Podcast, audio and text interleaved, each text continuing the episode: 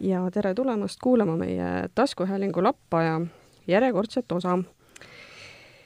täna on meil teemaks Eesti film ja sel on, teema on väga paslik praegu päevakorda võtta, sest on meil teatavasti suure pandeemia kiuste väga vapralt püsti pandud äh, järjekordne Pimedate Ööde filmifestival, aga sellele lisaks ilmus hiljuti Varraku kirjastusest äh, koguteos Sada üks Eesti filmi, mille autor Tristan Priimägi on meil täna ka stuudios, tere Tristan! tere, tere! nii et juttu tuleb meil siis äh, filmimaailmast ja ütlen kohe ka, et meie saate viimases osas tuleb meile Delfi TV-st külla Kertu Võsu, kes räägib äh, rubriigist Loe ennast õnnelikuks ühest raamatust või seigast, mis on teda lugedes hiljuti teinud õnnelikuks. nii, aga alustame siis Tristaniga, et ähm, no kui palju sa siis neid Eesti filme pidid õigupoolest läbi vaatama, et siia see saja ühene valik teha? tead, selle küsimusele vastamiseks ma peaksin selle statistika ära tegema ja kodus nad üle lugema, aga ma arvan, et kus kõigi lühiformaatide ja muu sellise mudruga koos ikkagi usun, et kuskil tuhande-kahe tuhande vahel mm. -hmm. et eh, noh, materjali on küll ja veel. no kui kaua see ajaliselt umbes sul aega võttis, millal sa alustasid selle projektiga? no ma alla kirjutasin lepingu, vaatasin ise pärast, et eh, kaks tuhat viisteist, aga see tundub küll mägede taga, kuna vahepeal ikkagi paar aastat oli eraeluliselt nii suuri sündmusi siin tekkimas, et panin mõneks ajaks selle üldse peast ära, selle projekti ja ja vot sealt on siis raske tagasi tulla tegelikult, et ma olen selline ühe jutiga tegija tüüpi inimene, kes nagu võtan ja teen ära ja lähen eluga edasi, et kui, kui millegi juurde tuleb nagu naasta, siis on mul äärmiselt keeruline psühholoogiliselt seda teha, aga kuidagi siiski tundub, et õnnestus.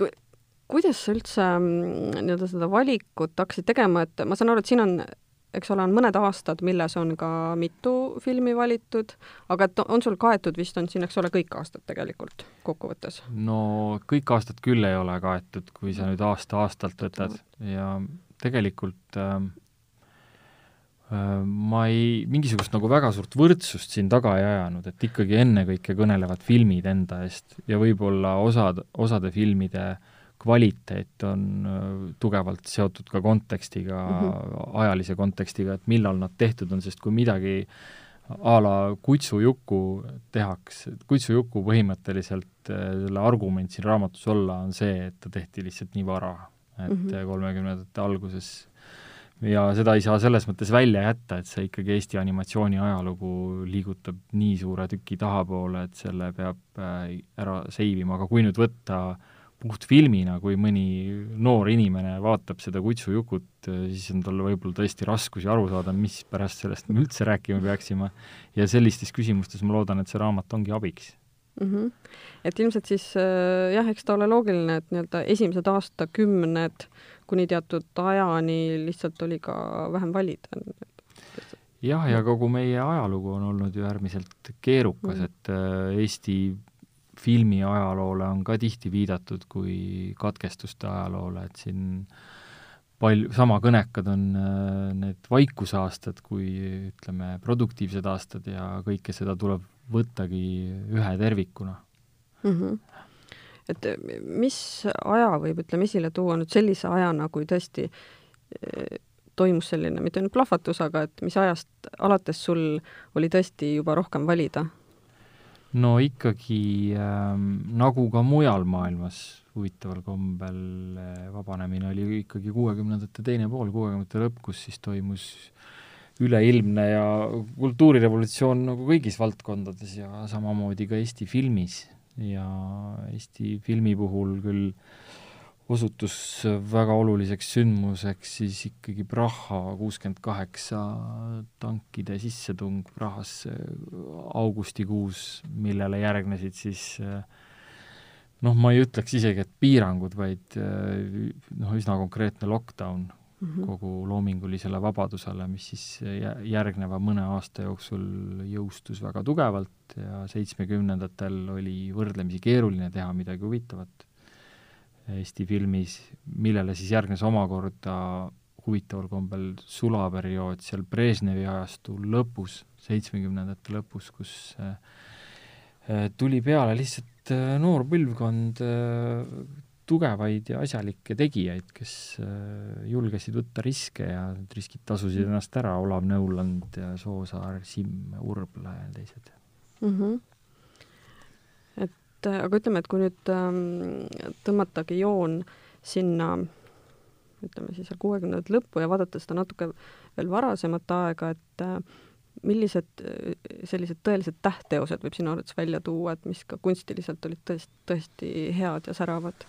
no minu jaoks on esimene mängufilm oluline, mis on väga keerulistes tingimustes tehtud ikkagi Põrgupõhja uus vanapagan, kus on noh, ma ei, ma ei oska tuua välja ühtki mööndust nagu ajastupõhist või mingit kunstilist või mis iganes, et äh, varasemaid filme äh, nagu seal Kiisa jääminek ja nii, et neid võib nagu teatud mööndusega pidada olulisteks, kuna on, on näha, et seal on proovitud selle establishment'ile nagu vastu astuda mingisuguste asjadega.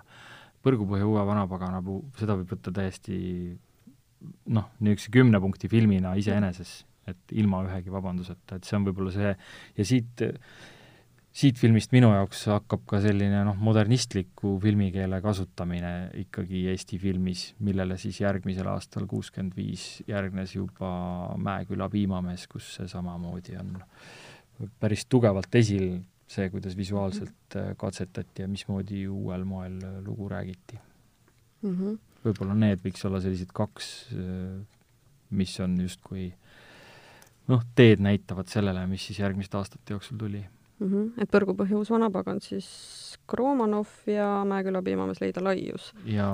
Põrgupõhja uus vanapagan on tegelikult no, Jüri, Jüri Müür isegi rohkem ja aha, Kromanov aha. oli tal justkui teiseks režissööriks kõrval mm, -hmm. küll täiskrediitiga, aga see oli nagu Jüri Müüri film, mida ta tahtis juba teha kooli lõpus esimese filmina, aga seda tal kohe mm -hmm. ei lubatud teha eh, kas nüüd ütleme, neid mainitud filme on võimalik ka netikino.ee lehel vaadata? nimelt selline suurepärane lehekülg on avatud, kus on väga märkimisväärne hulk vanu häid Eesti filme. ja see on täitsa tõsi ja mm. Põrgupõhja uus vanapagan on ka PÖFFi sada üks Eesti filmi programmi osa, et PÖFF oli nii lahke, et lubas mul kureerida lausa oma sellise väikese allprogrammi nende festivali raames ja selle osana on võimalik ka Põrgupõhja uut vanapaganat vaadata ja samamoodi suurem valik Eesti filme jah, on siis nüüd, äh, selle raamatu filme on netikino.ee lehel saadaval ja neid tuleb sinna vaikselt kogu aeg juurde uh. -huh. et umbes kolmveerand peaks praegu juba olema vaadatav uh. -huh. nii et tasub kindlasti pilk äh, peale visata, et äh, seal on nii-öelda mõned, mõne, vaid mõne üksiku euro eest võimalik tõelist filmikunsti nautida. noh, ja lihtsalt võtta see pinge maha, et äh, väga lihtne kriitika selle raamatu aadressil oleks ju see, et me võime nendest ju lugeda, aga filme peab mhm, vaatama, et nüüd on see, see ütleme ka maha maandatud. -hmm. no ma siiski küsin, et kui, kui sa, kui sa nüüd äh, paneksid ritta endal, ütleme selle raamatu raames siis sellised äh, top kolm või top neli, võib-olla top viis filmid, siis mis on need, mille sa tooksid kindlasti välja kui eriti olulised filmid Eesti filmiajaloos? kas olulised või äh, mu lemmikud äh,? no vot jah, kuidas nüüd siin kompromissi teha või kombineerida, et ütleme niimoodi, et, et sa võid öelda filmi ja siis öelda, kumb, kumb ta rohkem on kas sinu lemmik või oluline? no lemmikute osas mul on noh, lihtsam võib-olla panna, et kui noh, alati mängufilmi keskselt küll, aga ütleme, Lindbrid, Värvilised unenäod, Hullumeelsus, äh, Sügispall, äh, Keskea rõõmud, äh, Ideaalmaastik, Jõulud Vigalas, midagi sinnakanti võiks esimene ots olla, Viimne mm -hmm. reliikvia kindlasti ka. ja mis on olulised, no võib-olla kõige olulisem film Eesti filmiloos on Priit Pärna Eine murul. ikkagi mm -hmm. selle järgi, milline oli ta mõju, mis ajal ta tuli ja kuidas ta on edaspidi ikkagi väga suure varju nii-öelda seadnud nii meie animatsioonile kui kogu maailma mm -hmm. omale. Et äh, Priit Pärnal õnnestus huvitav asi äh, ühe aasta jooksul äh, kahes valdkonnas nii-öelda ajalooline samm teha, et kui ma ei eksi, siis kevadel avaldas ta Sirbis karikatuuri sitta kah, millega ta kindlasti sai äh, noh, põhimõtteliselt tegi Eesti kõigi, kõige, kõige aegade kõige legendaarsema karikatuuri ja seda staatust talt ilmselt ära võtta ei saa, sest selliseid aegu lihtsalt enam ei tule, kus peaks niivõrd nagu protestima ühiskondliku korra vastu, ma loodan, et ei tule. ja samal aastal tuli ka Eine Murul, mis siis juhtus kuidagi just selle pidevalt tollal muutuva aja äh, kontekstis nagu väga niisuguse noh, hetke laineharja peale ja seda tajuti nii siin kui sealpool seda raudset eesriiet mm. -hmm. Priit Pärna ongi vist kõige rohkem siin esindatud raamatus, kui ma ei eksi, ma nüüd täpselt kokku ei lugenud, neid võis siin kuus. olla üks kuu, jah, kuus. Pärna on kuus, Kaljo Kiiska on viis. mainime siis tema ka ära, kuna tal on juubel, juubel aastapäev tulemas nii et, et, et kas võib öelda, et Priit Pärna puhul ka see, et ta on ka rahvusvaheliselt Äh, ilmselt enim mõju avaldanud oma valdkonna filmikunstile. tagasihoidliku mm -hmm. arvamuse kohaselt äh, kõige rohkem maailmas mõju avaldanud Eesti filmitegija mm küll. jah, ja ja noh, selle kuuega on ka nii, et eks äh, mõni teine on ka võib-olla kuus filmi teinud, aga on nagu võib-olla üks või kaks, mis nende mm. kuue eest kuidagi ära kõnelevad nii-öelda. et siis ei ole mõtet kuud panna aga Pärna need valitud filmid on ikkagi kõik niivõrd iseseisvad ja omamoodi, et neist mina, minul südant ei olnud nagu nende kuue hulgast ühtki mm. välja jätta ja eks need kuus on ju valitud nii-öelda tema pikemast nimekirjast, et äh, noh, selle raamatu formaat tingis lihtsalt teatud kärped mm -hmm. ja kui see oleks kakssada Eesti filmi, siis oleks seal võib-olla neid veel mm. -hmm. nüüd Värvilised unenäod on, eks ole, ka kaanel mm, -hmm. et et et see film ma vaatasin, on ka täiesti olemas seal netikinos, kui ma ei eksi, kõige, praegu vaatasin, oli kõige alumisel real seal, et tasub, tasub otsida, et ta ei ole võib-olla isegi jah, nii ülituntud film, et võib-olla räägid sellest pisut äh, lähemalt, selle filmi, filmi nii-öelda si-, sisust ja sellest fenomenist? no selle teeb eriliseks ikkagi tema eksperimentaalne vaim, avangardne mängufilm, umbes tunnipikkune ja ka selle, sündinud selles ajas, kus ta ei oleks tegelikult tohtinud sündida, nagu me rääkisime mm., selle aastaarvuks on seitsekümmend neli, seda enam, et äh, autorid äh, Virve Aruoja ja Jaan Tooming olid mõned aastad varem teinud niisuguse äh, pooletunnise lühifilmi Lõppematu päev mm, -hmm. küll Eesti telefilmis mis päädis sellega, et see tuli direktiiv see hävitada, et sellest ühtki jälge ei jääks, õnneks see nii ei läinud, siis smugeldati see film sealt telemajast välja, aga mul on raskusi mõista, miks, et kuigi stuudio muutus, et telefilmist mindi Tallinnfilmi, siis ikkagi vaid mõni aasta hiljem anti samale tiimile luba teha uuesti filmi. Äh, mingis mõttes täiesti arusaamatu samm minu jaoks. ja põhjuseks oli ka see, et äh, filmiametnik ja, ja kriitik äh, Ivar Kosenkraanius oli selle stsenarist ja tema stsenaarium äh, pidi, kui ta pidi nagu läbi minema, keegi pidi seda tegema ja lubati siis teha see stsenaarium ära, aga ei tehtud, tehti täitsa midagi muud ja sellest tuli muidugi paks pahandust. aga mm. sellepärast see film ka muidugi nii hea on. siit ma loen, et Jaan Tooming on öelnud, et tegelane Kati kehastab seal kõigi väikerahvaste hinge. just, et tema ekslemine ja tema noh, et see, kuidas noh, võib-olla kui nüüd vabalt lasta mõttel lennata, siis see, kuidas ema või tema vanemad äh, üritavad teda ikkagi mingisugusesse raami suruda, siis võib-olla nii on ka suured rahvad meiega käitunud mm. -hmm. õpetanud meid käituma meie enda tahtmise ja soovi vastu mm. -hmm nii, ma otsin praegu, et lindprii oli nüüd mi-, mis aastal siis, kas ma läksin mööda siit? lindpriid, jah, minul endal on see ilmselgelt sellepärast natuke võõram, kuna olid ju tegemist riiulifilmiga ja mm -hmm. ei mäleta oma lapsepõlvest seda loomulikult. et, et kas praegu nüüd seda lindpriid, kuidas, kuidas oleks võimalik vaadata seda? no seda on võimalik seda. tegelikult halva kvaliteediga vaadata ERR-i arhiivist täiesti Ahah. tasuta, et kuna Aa. see on ka telefilmi toodang, siis on need seal sellise noh, ütleme äravaatamise kvaliteediga on nad seal olemas. netikino osas käib meil diskussioon praegu, võib-olla ikkagi on võimalik need sinnagi saada, sellest see kvaliteet muidugi küll ei parane, Mm. aga loodetavasti ikkagi noh, mul nüüd, kui see PÖFF otsa saab ja tekib rohkem vaba aega, siis on ikkagi plaanis mingil kujul see kinolinastus ka ära korraldada Mm. äh, sellele filmile, Mm. kuigi ta on seal nelja tunni pikkune, nii et sellest saab üks paras ähm, ütleme, Mm. kogemus. noh, hiljuti kas saatana tangot vist isegi peaaegu pool sõpruse saali tuli või vähem üle, või ta seal ikka nagu oli üht-teist.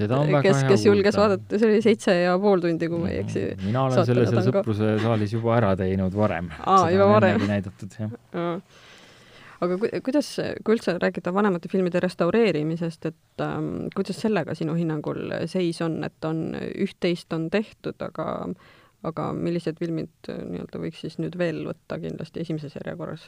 Öö, sellega on huvitav teema, et ma ei ole nagu päris kindel, kui palju või vähe sellega tegeldakse, Mhm. ma olen kindel selles, et äh, Filmiinstituudi pärandiosakond öö, teeb kõik endast oleneva, et see olukord kogu aeg paraneks, aga mulle tundub, et siin kõige suuremaks vaenlaseks on hoopis nagu noh, tehnoloogiline progress.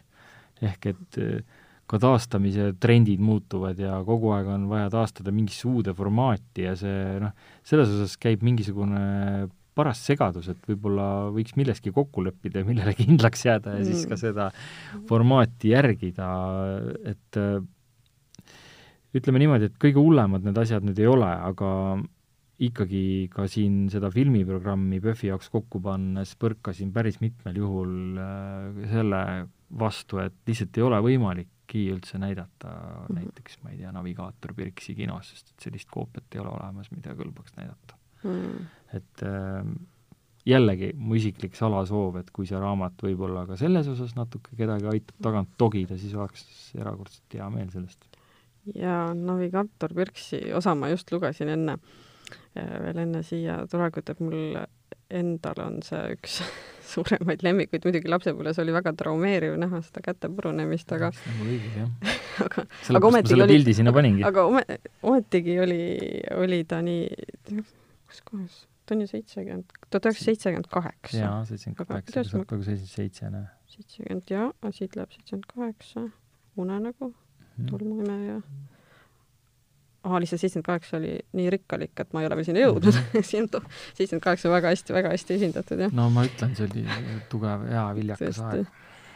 et äh, lugesin siit ka, et ähm, tegelikult oli siin ju ka juhusel äh, päris suur roll, et äh, nimelt, et äh, Moskva paviljon oli broneeritud ja nii sattus siis Tallinn filmi. jah, ja sellepärast ka, et äh, Tallinn filmis tänu anima, tugevale anima traditsioonile oli äh, väga äh, suur oskus, parem oskus teha filmitrikke kui mingites muudes stuudiotes ja seal on ju vaja ikkagi need laevad panna kosmosesse äh, lendama ja võib-olla siis need tegijad olid ka ikkagi näinud seal Tuganovi Ott kosmoses või mingeid varaseid Mm. teoseid, kus see on äh, väga lahedalt lahendatud, et ma usun, et see ka on üks põhjus Mm. vaatasin siit veel selline tore fakt, et seitsmekümne üheksandal aastal võitis äh, film Triste rahvusvahelise ulmefilmide festivali ja Ridley Scotti Tulnukas jäi teiseks jah, seda on naljakas välja tuua, sest et see noh, mina seda välja mõelnud ei ole, nii see läks, et navigaator Kirks alistas Alieni. jaa, kuigi tol hetkel, äh, kui seitsmekümne kaheksas aasta, minul on muidugi veel meeles lapsepõlvest, et seal tegelikult oli ka nii-öelda alasti naise ülakeha näha, mis kas tol hetkel ka pigem oli midagi, mida väga tihti just ei näinud kuskil ekraanil. tead, selles osas on äh, levinud üks vale arvamus, et see miskipärast kuidagi tabu oli, sest Eesti filmides on seda topless äh, asja päris palju märgata Mm. kui noh, mitte kui lähemalt vaadates, see, kõlab natuke nõmedalt, aga et ta ikkagi ei ole see midagi erakordset, kaasa arvatud äh, Agnes Viimses reliikvias on ju täiesti toplesskaadriga olemas, nii et äh, võib-olla see, seda, seda nagu pehmelt kuidagi järgiti, aga tegelikult ka dokumentalistikas näiteks on seda omajagu ja ei Mm. ole see nüüd nii ületamatu piir mm. tegelikult. et kui, kui nüüd liikuda siin ajas edasi, siis ähm, siis mulle tundub, et iroonilisel kombel, et mida aeg edasi, seda, seda mõnes mõttes nii-öelda laiemalt tundmatumad filmid äh, on kirjas, ma mõtlen just siin ka üheksakümnendatel näiteks, et kui Georgika on ju üks väheseid äh, mängufilme, et selles mõttes mulle, mulle ka meeldis see raamat, et ta on selles mõttes ka väga hariv, et ei ole sugugi siin äh, vanad armastuskirjad ja muu selline, millega me oleme kõik niikuinii kursis, et, et siin on võimalik väga edukalt ka silmaringi avardada. tegelikult ega see, kas keegi millega kursis on, ei ole ka siin olnud kunagi argument, ega, ega ka ei ole, nagu ei ole ka argument olnud kassaedu ega mm -hmm. populaarsus ega miski muu, vaid ainult ikkagi film ise. et kui ma tunnen, et need vanad armastuskirjad on nagu nunnu teleteater omas võtmes, aga tänaseks ikkagi äh, minu jaoks kapitaalselt aegunud ja selle põhiline instrument, millega ta lööb, on sentimentaalsus, siis seda tegelikult minu jaoks sellest ei piisa mm. -hmm. et see on filmina ikkagi kokkuvõttes nõrk, tal on oma koht, ma võin teda absoluutselt hea meelega vaadata, kui ta telekast tuleb, sest et miks mitte, eks ole mm, -hmm. Valgre, Simmul, Liis Tapo, äh, Pärnu äh, rannahoone kõlakoda ja mis iganes, aga -hmm. see raamatusse pääsemiseks sellest lihtsalt ei piisa, mul on tunne, et need, mis ma olen valinud, need on lihtsalt paremad filmid mm -hmm. ja mhm. nii, ja nii õige mitmete nende hittidega, et võib-olla tõesti Tallinnfilmi perioodil oli nagu äh, parem sobivus selle kunstilise kvaliteedi ja, ja ütleme, ra-, publiku menu vahel. et -huh. tegelikult need, mis olid menukad, on ka head filmid ja noh, tihtipeale, eks, et kui tõesti see reliikvia seal või noh, Nõmmiku komöödiad, et nad on, nad, nad ei ole populaarsuse pärast siin raamatus, vaid sellepärast, et nad on just ka nagu mõlemal rindel edukad, nii mhm. kunstiliselt kui, kui kui publiku mõttes, siis uuel ajal võib-olla on see rohkem nagu lahku läinud või kasvanud, et tehakse filme, mis on publikule, aga mis nagu mulle kui kriitikule või mulle kui võib-olla ei tahaks seda suurt sõna kasutada, aga filmi ajaloolasele nagu ei ole tegelikult põnevad mm. -hmm. et siis võib öelda, et Eesti mängufilm ikkagi üheksakümnendatel ei elanud väga head elu?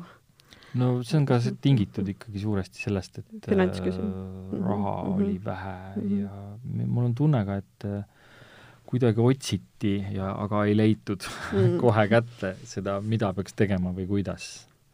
jällegi, need filmid on kõik oma ajas väga toredad ja ei ole ju üldse ka halb film, näiteks Tulivesi mm, -hmm. oletame, aga jällegi mu valikud on siin olnud teised ja kui ma oma nime pean alla panema ja kaane peale panema pärast, siis ma tahan olla oma valikutes kindel, et need on ikka minu omad, mitte kellegi teise omad et siin sellest ajast, ma saan aru, saab välja tuua ka mõningast rahvusvahelise edu mõttes inimene, keda polnud.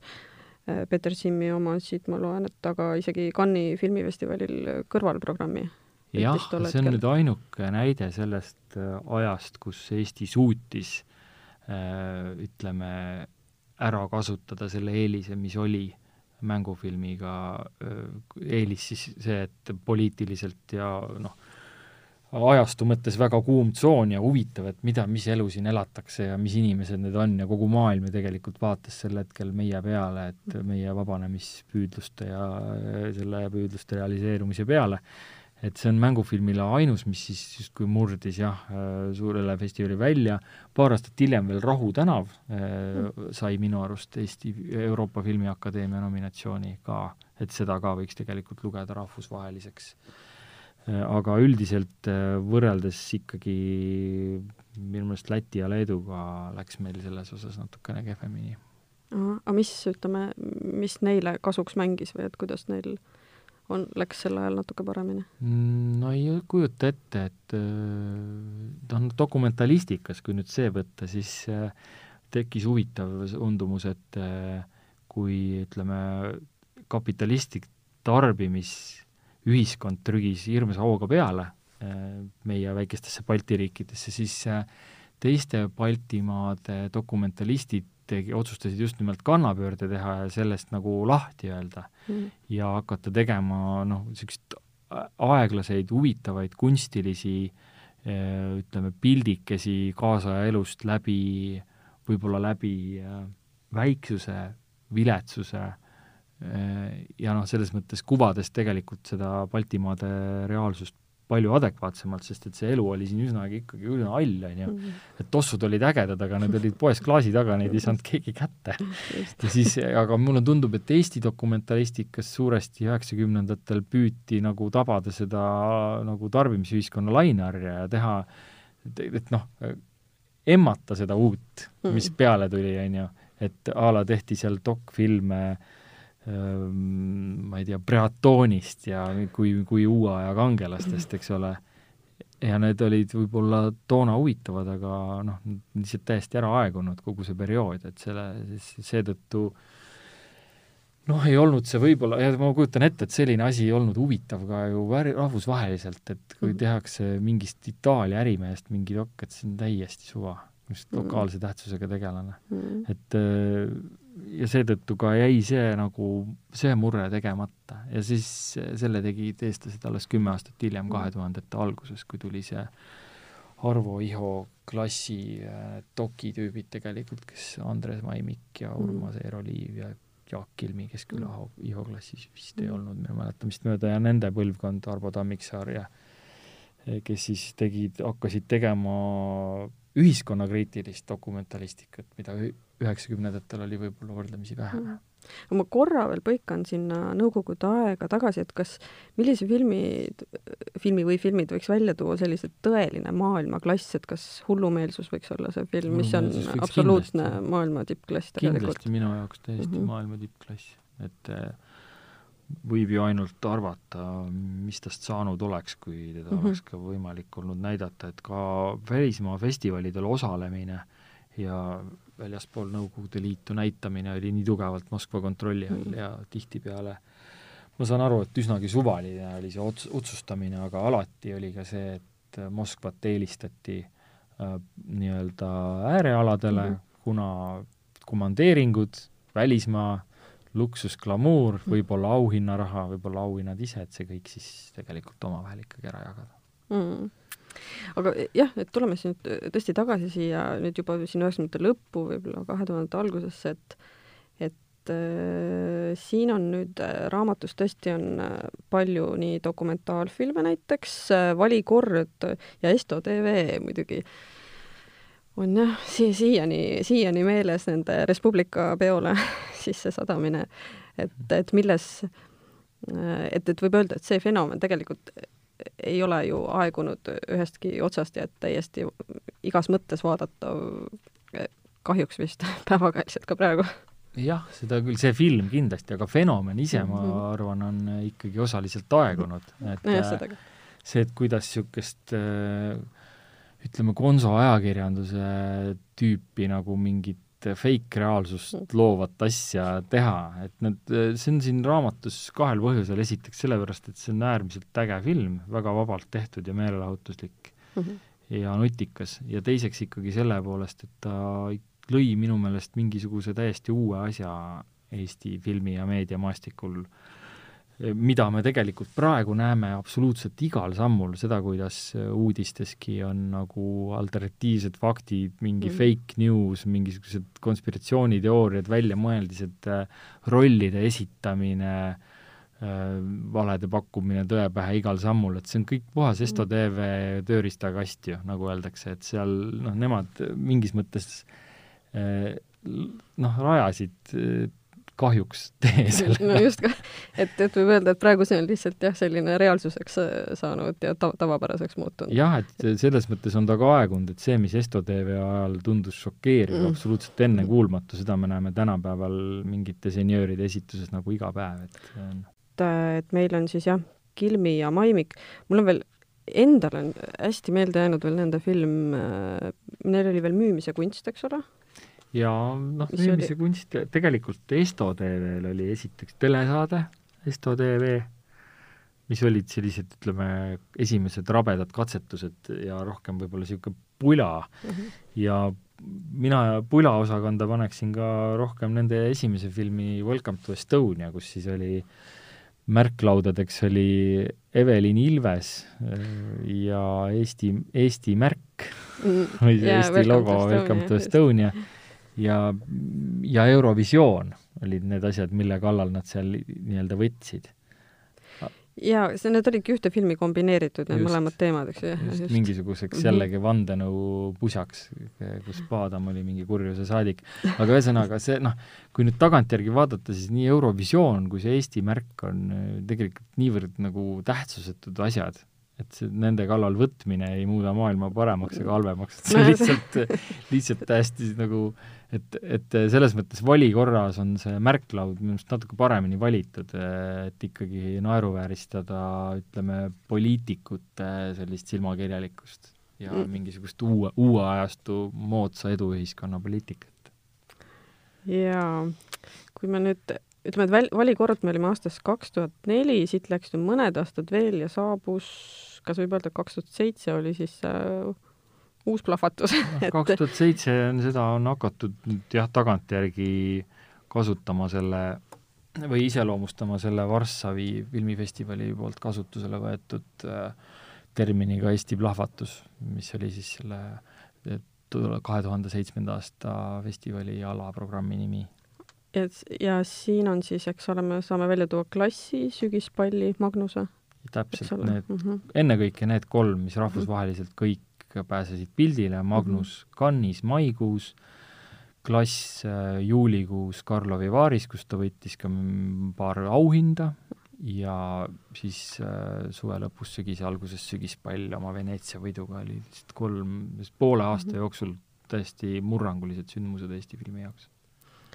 Et nüüd äh, Veiko Umpust, kui rääkida, siis äh, veel aasta varem, eks ole, sai ta ju Tühirannaga andis nii-öelda eelhoiatuse, ma saan aru.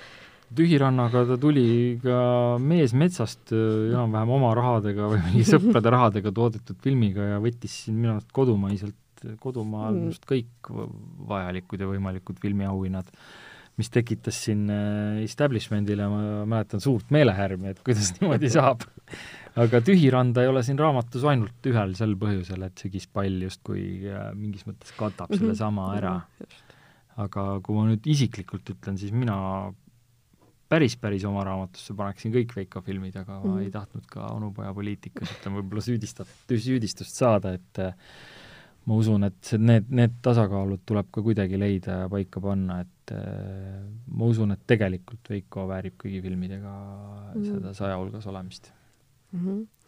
et sügispalli jah, ma ise mäletan, no ma arvan, et minul on ta ikkagi nii-öelda taasiseseisvumise aja vist äh, lemmik, et ma käisin seda ka korduvalt kinos vaatamas, hiljem muidugi DVD pealt veel otsa et ta kuidagi, kuidagi ka minu jaoks oli jah, mingi täiesti te, tollel hetkel tundus ikkagi mingi teine tase. täitsa, ikka täitsa uus kvaliteet jah, aga nagu selles, mulle isiklikult läks väga korda, ma mäletan, ma käisin äh, läbivaatusel ja kinost kontorisse minnes, mis ei ole väga pikk maa, oleksin ma napilt peaaegu trammi alla jäänud, sellepärast et ma olin nii oma, oma mõtetes, et mul ei olnud liikluse jaoks enam aega.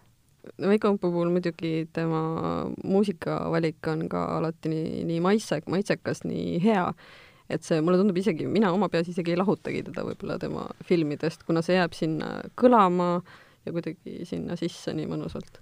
jah, aga eks selle muusika valimisega on ka nii, et äh, tuleb tegeleda, tuleb otsida, tuleb nagu vaeva näha, et siis noh, võib ka muidugi võib-olla tulla jumalik sähvatus ülevalt ja kohe tuleb ideaalne lugu meelde, aga ma usun, et selle, nende valikute tegemisel on ikka meeletult kraami läbi kuulatud ja võib-olla enamus, või mis enamus, ma ütleks, suur osa filmitegijaid ei oma sellist kokkupuudet muusikaga, et nad suudaks sellest üldse orgaaniliselt mõelda, et samamoodi võib ju, sa võid teha ülistiilse kohviku ja kus kõik on äh, väga äge, luksikas ja maitsekas ja läbimõeldud, aga kui sul ikkagi aknalaua peal mängib transistor mingisuguse suvalise raadiojaamaga, siis see kõik muu ka ei toimi.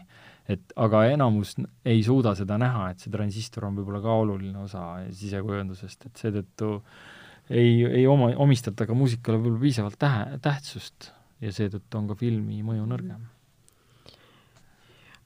Püha Tõnu kiusamisest ma korra veel tahtsin küsida sellise võib-olla isegi mitte ülejäänud juttu nii väga sobiva, aga eriti spetsiifilise küsimuse.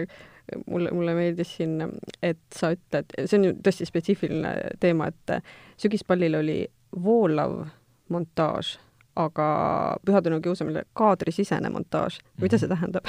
kaadrisisene montaaž on äh, tehniline termin selle kohta, kui äh, monteeritakse ilma lõikamata Mm -hmm. ehk et äh, montaažiks saab seda noh, nimetada nii-öelda ainult tinglikult, kuna kui, kui montaaž tähendab inimese jaoks lõiget, siis see ei ole montaaž, aga tegelikult on see montaaž, kui kaamera liigub ruumis, kui misantseen muutub ja kui tegelikult objektid liiguvad kaadrist sisse-välja, kui kaadri sees muudetakse näiteks fookust ja nii edasi, et see kaadrisisene montaaž on see, kui nagu seda set-up'i kaadri sees muudetakse ilma lõikamata ja seal on palju kasutatud just nimelt seda mm -hmm. võtet, nagu kunstilist võtet mm. -hmm.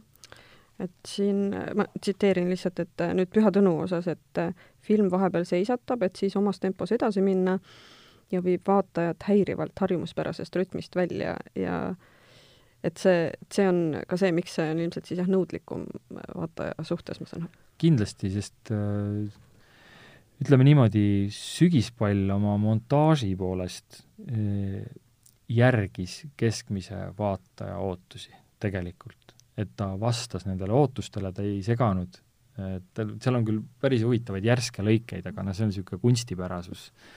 aga Püha Tõnu sunnib oma rütmi ikkagi peale, sest seal on äh, kaadrid tavamaitse jaoks kohati liiga pikad mm, -hmm. kohati ei toimu piisavalt kiirelt äh, nagu liikumine edasi, et seetõttu ta, ta tal on, ta tahab teatud unenäolisust sulle peale suruda ja, ja vaataja tuleb, peab selle nagu, peab selle väljakutse vastu võtma ja sellega kaasa minema selleks, et seda filmi nautida ja seda mm -hmm. võib-olla igaüks ei viitsi teha mm. -hmm.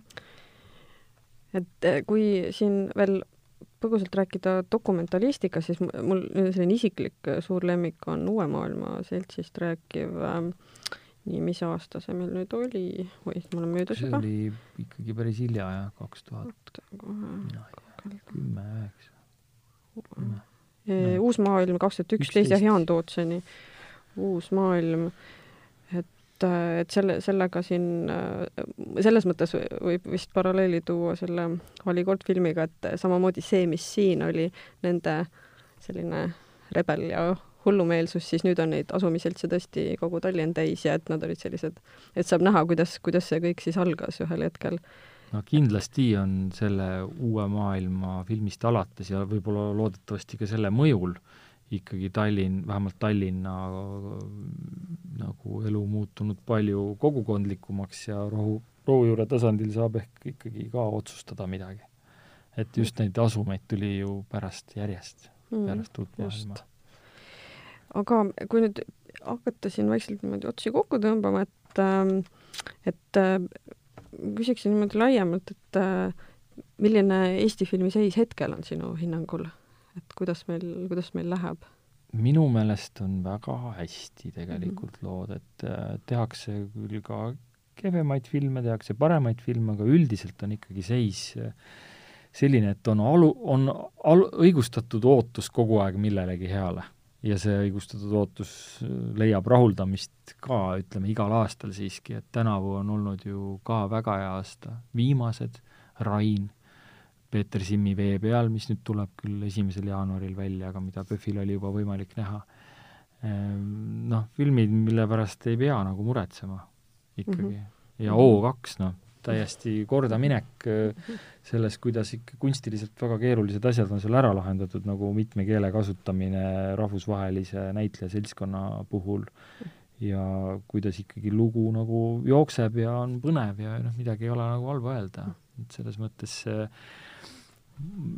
võib-olla kui siin raamatus on vähe kahekümne esimese sajandi mängufilme, siis see on tingitudki olnud ka sellest, et on olnud äärmiselt aeglased perioodid, kus mängufilm ongi olnud nõrk. see aeg, kus mina töötasin Eesti Filmi Instituudis kaks tuhat kaheksa kuni kaks tuhat kolmteist oligi tegelikult kõige hullem võib-olla lähiajaloo niisugune madalseis, et mm. kui see majanduskrahhi järgne Eesti mängufilm oli noh, oli ikkagi põhimõtteliselt peaaegu kogu aeg oli piinlik natukene mm.. ja kaks tuhat kolmteist siis tuli jällegi nagu nõks üles ja seda nõksu üles me oleme minu arust siiani mingil määral saanud ka nautida ja mm. suur õnnistus oli ikkagi Eesti Vabariik sada vahepeal, kus eh, korraks hetkeks said filmitegijad ka proovida seda, mis tunne on päris eelarvega filmi teha. no just, ja fi-, eh, raamatu lõpetabki meil loomulikult Tanel Toomi Tõde ja õigus. jaa, täiesti põhjendatult. et äh, nii, aga sellega siis lõpeb meie esimene saateosa, et teises saateosas nüüd Tristan annab mõned head soovitused, et mida, mida võiks lugeda veel filmi inimeste kohta kirjutatult.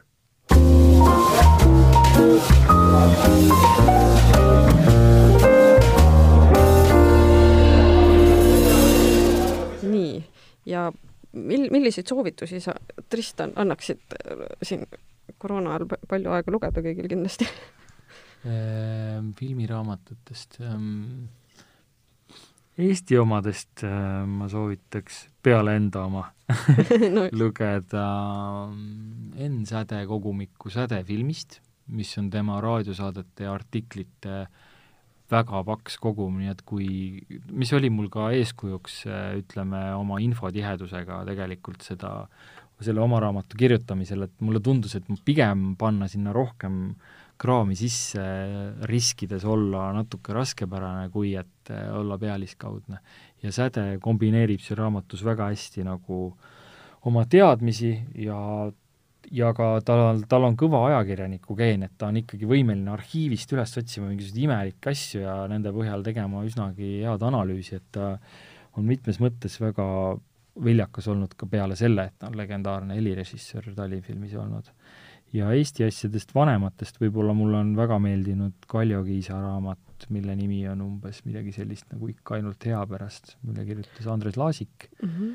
ja seal on samuti ikkagi arhiivid läbi kaevatud ja on üritatud Kiiska portreteerida, kes oli üks võib-olla kõige keerulisemaid ja enigmatilisemaid tegelasi seda Eesti filmitööstuses oma noh, tegelikult mitme rolli poolest, et ta oli ju äh, Saksa sõjaväe lennuväe abiteenistuses tegelikult, mis oli suur plekk tal, mida ta pidi varjama ja mhm. samas oli ta kõrge Nõukogude Eesti filmiametnik, samas kõige resultatiivsem režissöör tänaseni Eesti filmis, mängufilmi kõige rohkem teinud, väga huvitav karakter, teinud eri ajastutel olulisi filme ja ta, ja tema, see kiisk on sinna ikkagi noh, piisavalt adekvaatselt nagu raamatusse saadud minu meelest mm. -hmm. see ei ilmunudki vist väga ammu, see oli üks kümmekond aastat tagasi. see võis olla kümmekond aastat tagasi, aga mul on tunne, et seda raamatut enam väga lihtne leida jah, ikkagi ei ole. küll olla, et äkki jah, raamatukogust. head raamatud ikkagi kaovad mingil hetkel ära, et nii seegi. nii, aga suur aitäh, Tristan, äh, tulemast, oli väga huvitav ja hariv äh, palju meil siin on, nelikümmend minutit ja kindlasti tasub raamatupoest otsida üles raamat sada üks Eesti filmi.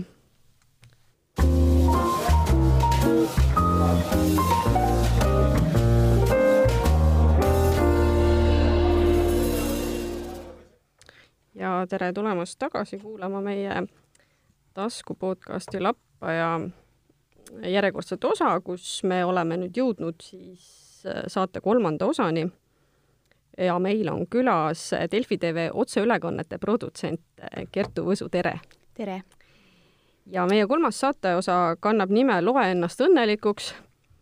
siin on, see on selline väga vabas vormis saatelõik, kus on räägitud nii raamatutest tervikuna või siis mõnest seigast, mis lugedes on teinud õnnelikuks, et Kertu, millega sina meid üllatad? Minul on endaga lausa kaasas selline raamat, see on Kertu Soansi Kui ma armastasin Tislerit. Ja selle raamatuga on selline naljakas lugu, et eh, see on tegelikult mul olnud juba seitse aastat. Eh, minu õde kinkis selle kunagi mulle ja siia ette oli kirjutatud ka hästi tore pühendus, et eh, see raamat meenutab mulle sind. Ja selle raamatuga on sedasi, et selle sees on sellised lühilood, mis on enamasti lustakad ja Kadi Kuremaa on sellele joonistanud ka siia vahvad pildid juurde ja noh, kui keegi juba ütleb, et mingi asi talle sind meenutab, siis sa ei saa ilmselgelt seda raamatut jätta lihtsalt kapi peale seisma. ja minu ja selle raamatuga on selline lugu, et äh, aeg-ajalt ma võtan selle jälle riiulist välja ja siis need lood, noh nagu raamatutega vist üldiselt on, räägivad mulle jälle midagi muud. see on selline, võib-olla siin on sellised lood, mis nagu räägivad suureks kasvamisest ja minu lemmikud ongi siit kaks lugu mis eh, lähevad siis tagasi autori lapsepõlve ja üks eh, nendest lugudest on selline, mille nimi on Öine sild. ja see siis kirjeldab seda, kuidas loo autor kuuleb ühel sünnipäevapeol, et poiste meelest on äärmiselt olulised tüdrukute sportlikud saavutused. Et eh, kuidas klassivennad seal siis arutlevad, et kes klassi tüdrukutest jookseb kõige kiiremini ja kes hüppab kõige kaugemale ja kes on sootuks käinud kergejõustiku vabariiklikel võistlustel. Ja loo autor otsustab, et tema võiks olla kõige parem silla tegemises. Ja nüüd ta otsustab, et siis igal ööl hakata harjutama. Paneb endale äratuskella helisema ja siis igal ööl muudkui harjutab ja harjutab seda silda ja ja alguses juhtub sedasi, et käed ei lähe kuidagi sirgeks ja niimoodi, aga lõpuks, kui ta seda mitu nädalat teeb, siis ühel ööl ta avastab, et need käed ongi lõpuks sirged ja see sild on perfektne ja siis juhtub sedasi, et mitte kunagi mitte üheski kehalise kasvatuse tunnis ei tule enam silda teha. et minu arust see on nii tore, tore lugu sellest, kuidas inimesed ise tekitavad endale mingid kinnisideed pähe ja ei suuda nendest loobuda, hoolimata sellest, et võib-olla teised inimesed tegelikkuses noh, ei peagi seda nii tähtsaks, aga noh, lapse mõistus on ilmselt ka selline, et kui midagi midagi justkui kuskilt kuuled, siis see on äärmiselt oluline ja teine lugu läheb lausa tagasi lapsepõlve ja nii kaugele, et eh, lausa lasteaeda, kui siis kevadpidu on. ja see loo autor kirjeldab siin, kuidas nad valmistusid kevadpeoks, kuidas siis kõikidel tüdrukutel olid valged litritega kleidid ja tähekesed peas ja nad teadsid, et iga laps peab kehastama siis ühte puuvilja ja ta näeb, et seal on siis õunad ja pirnid ja maasikad ja karusmarjad ja viinamarjakobar. ja ta hindab, et viinamarjakobar on kindlasti kõige ilusam aga et puuviljaaria lõpus on ka midagi väga koledat, kaks poolenisti teineteist katvat tumelillat ploomi. Ja loo autor neid ploome nähes otsustab kohe, et tema ilmtingimata see ploom olla ei taha.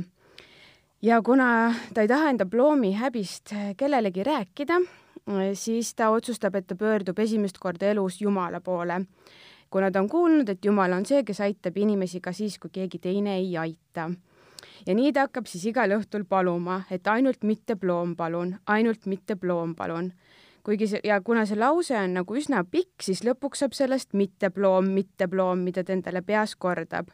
ja kuna ka see on liiga pikk lapse jaoks, siis lõpuks ütleb ta lihtsalt ploom, ploom, ploom ja kogu aeg see ketrab tal peas ja kui kätte jõuab siis kauaoodatud kevadpidu ja ta seisab enda litritega kleidiga tähekesed juustes siis äh, õpetaja ulatab talle loomulikult sellesama ploomi. Ja loo autor teeb siit tõdemuse, et tegelikkuses Jumal ei vedanud teda alt, et nüüd ta teab, millele keskendud, selle saad. et eks ta keskendus liiga kaua sellele ühele sõnale ja selles suhtes teda ka alt ei veetud.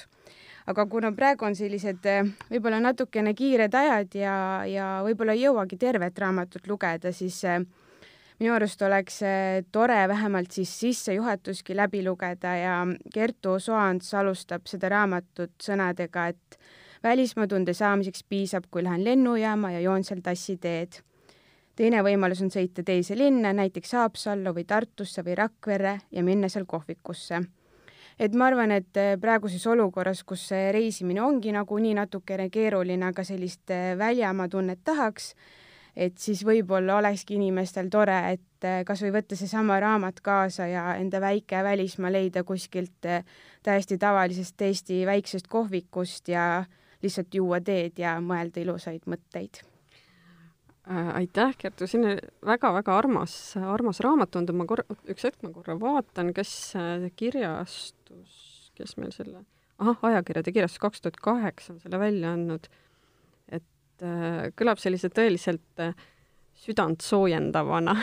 ja, ja ma ütlen, et siin neid lugusid on ka, ka teist laadi, et võib-olla selliseid ka, mis on juba sellest, et kui sa oled natuke suuremaks kasvanud ja et kuidas siis äh, elu ja armastus ja inimesed sind kohtlevad ja kuidas sina neid kohtled.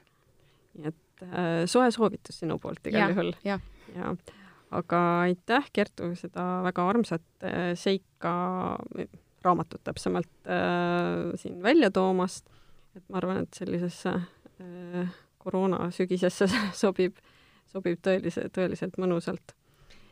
nii, aga sellega siis äh, ongi nüüd meie tänane saade saanud läbi äh,. kõigepealt oli meil siis külas äh, Tristan Priimägi, filmikriitik, kellel hiljuti ilmus raamat Sada üks Eesti filmi ja kes andis ka paar head raamatusoovitust ning nüüd siis saate lõpuosas Kertu Võsu, kes soovitas äh, raamatut Kui ma, kui ma armastasin Tislerit Kertu Soansilt.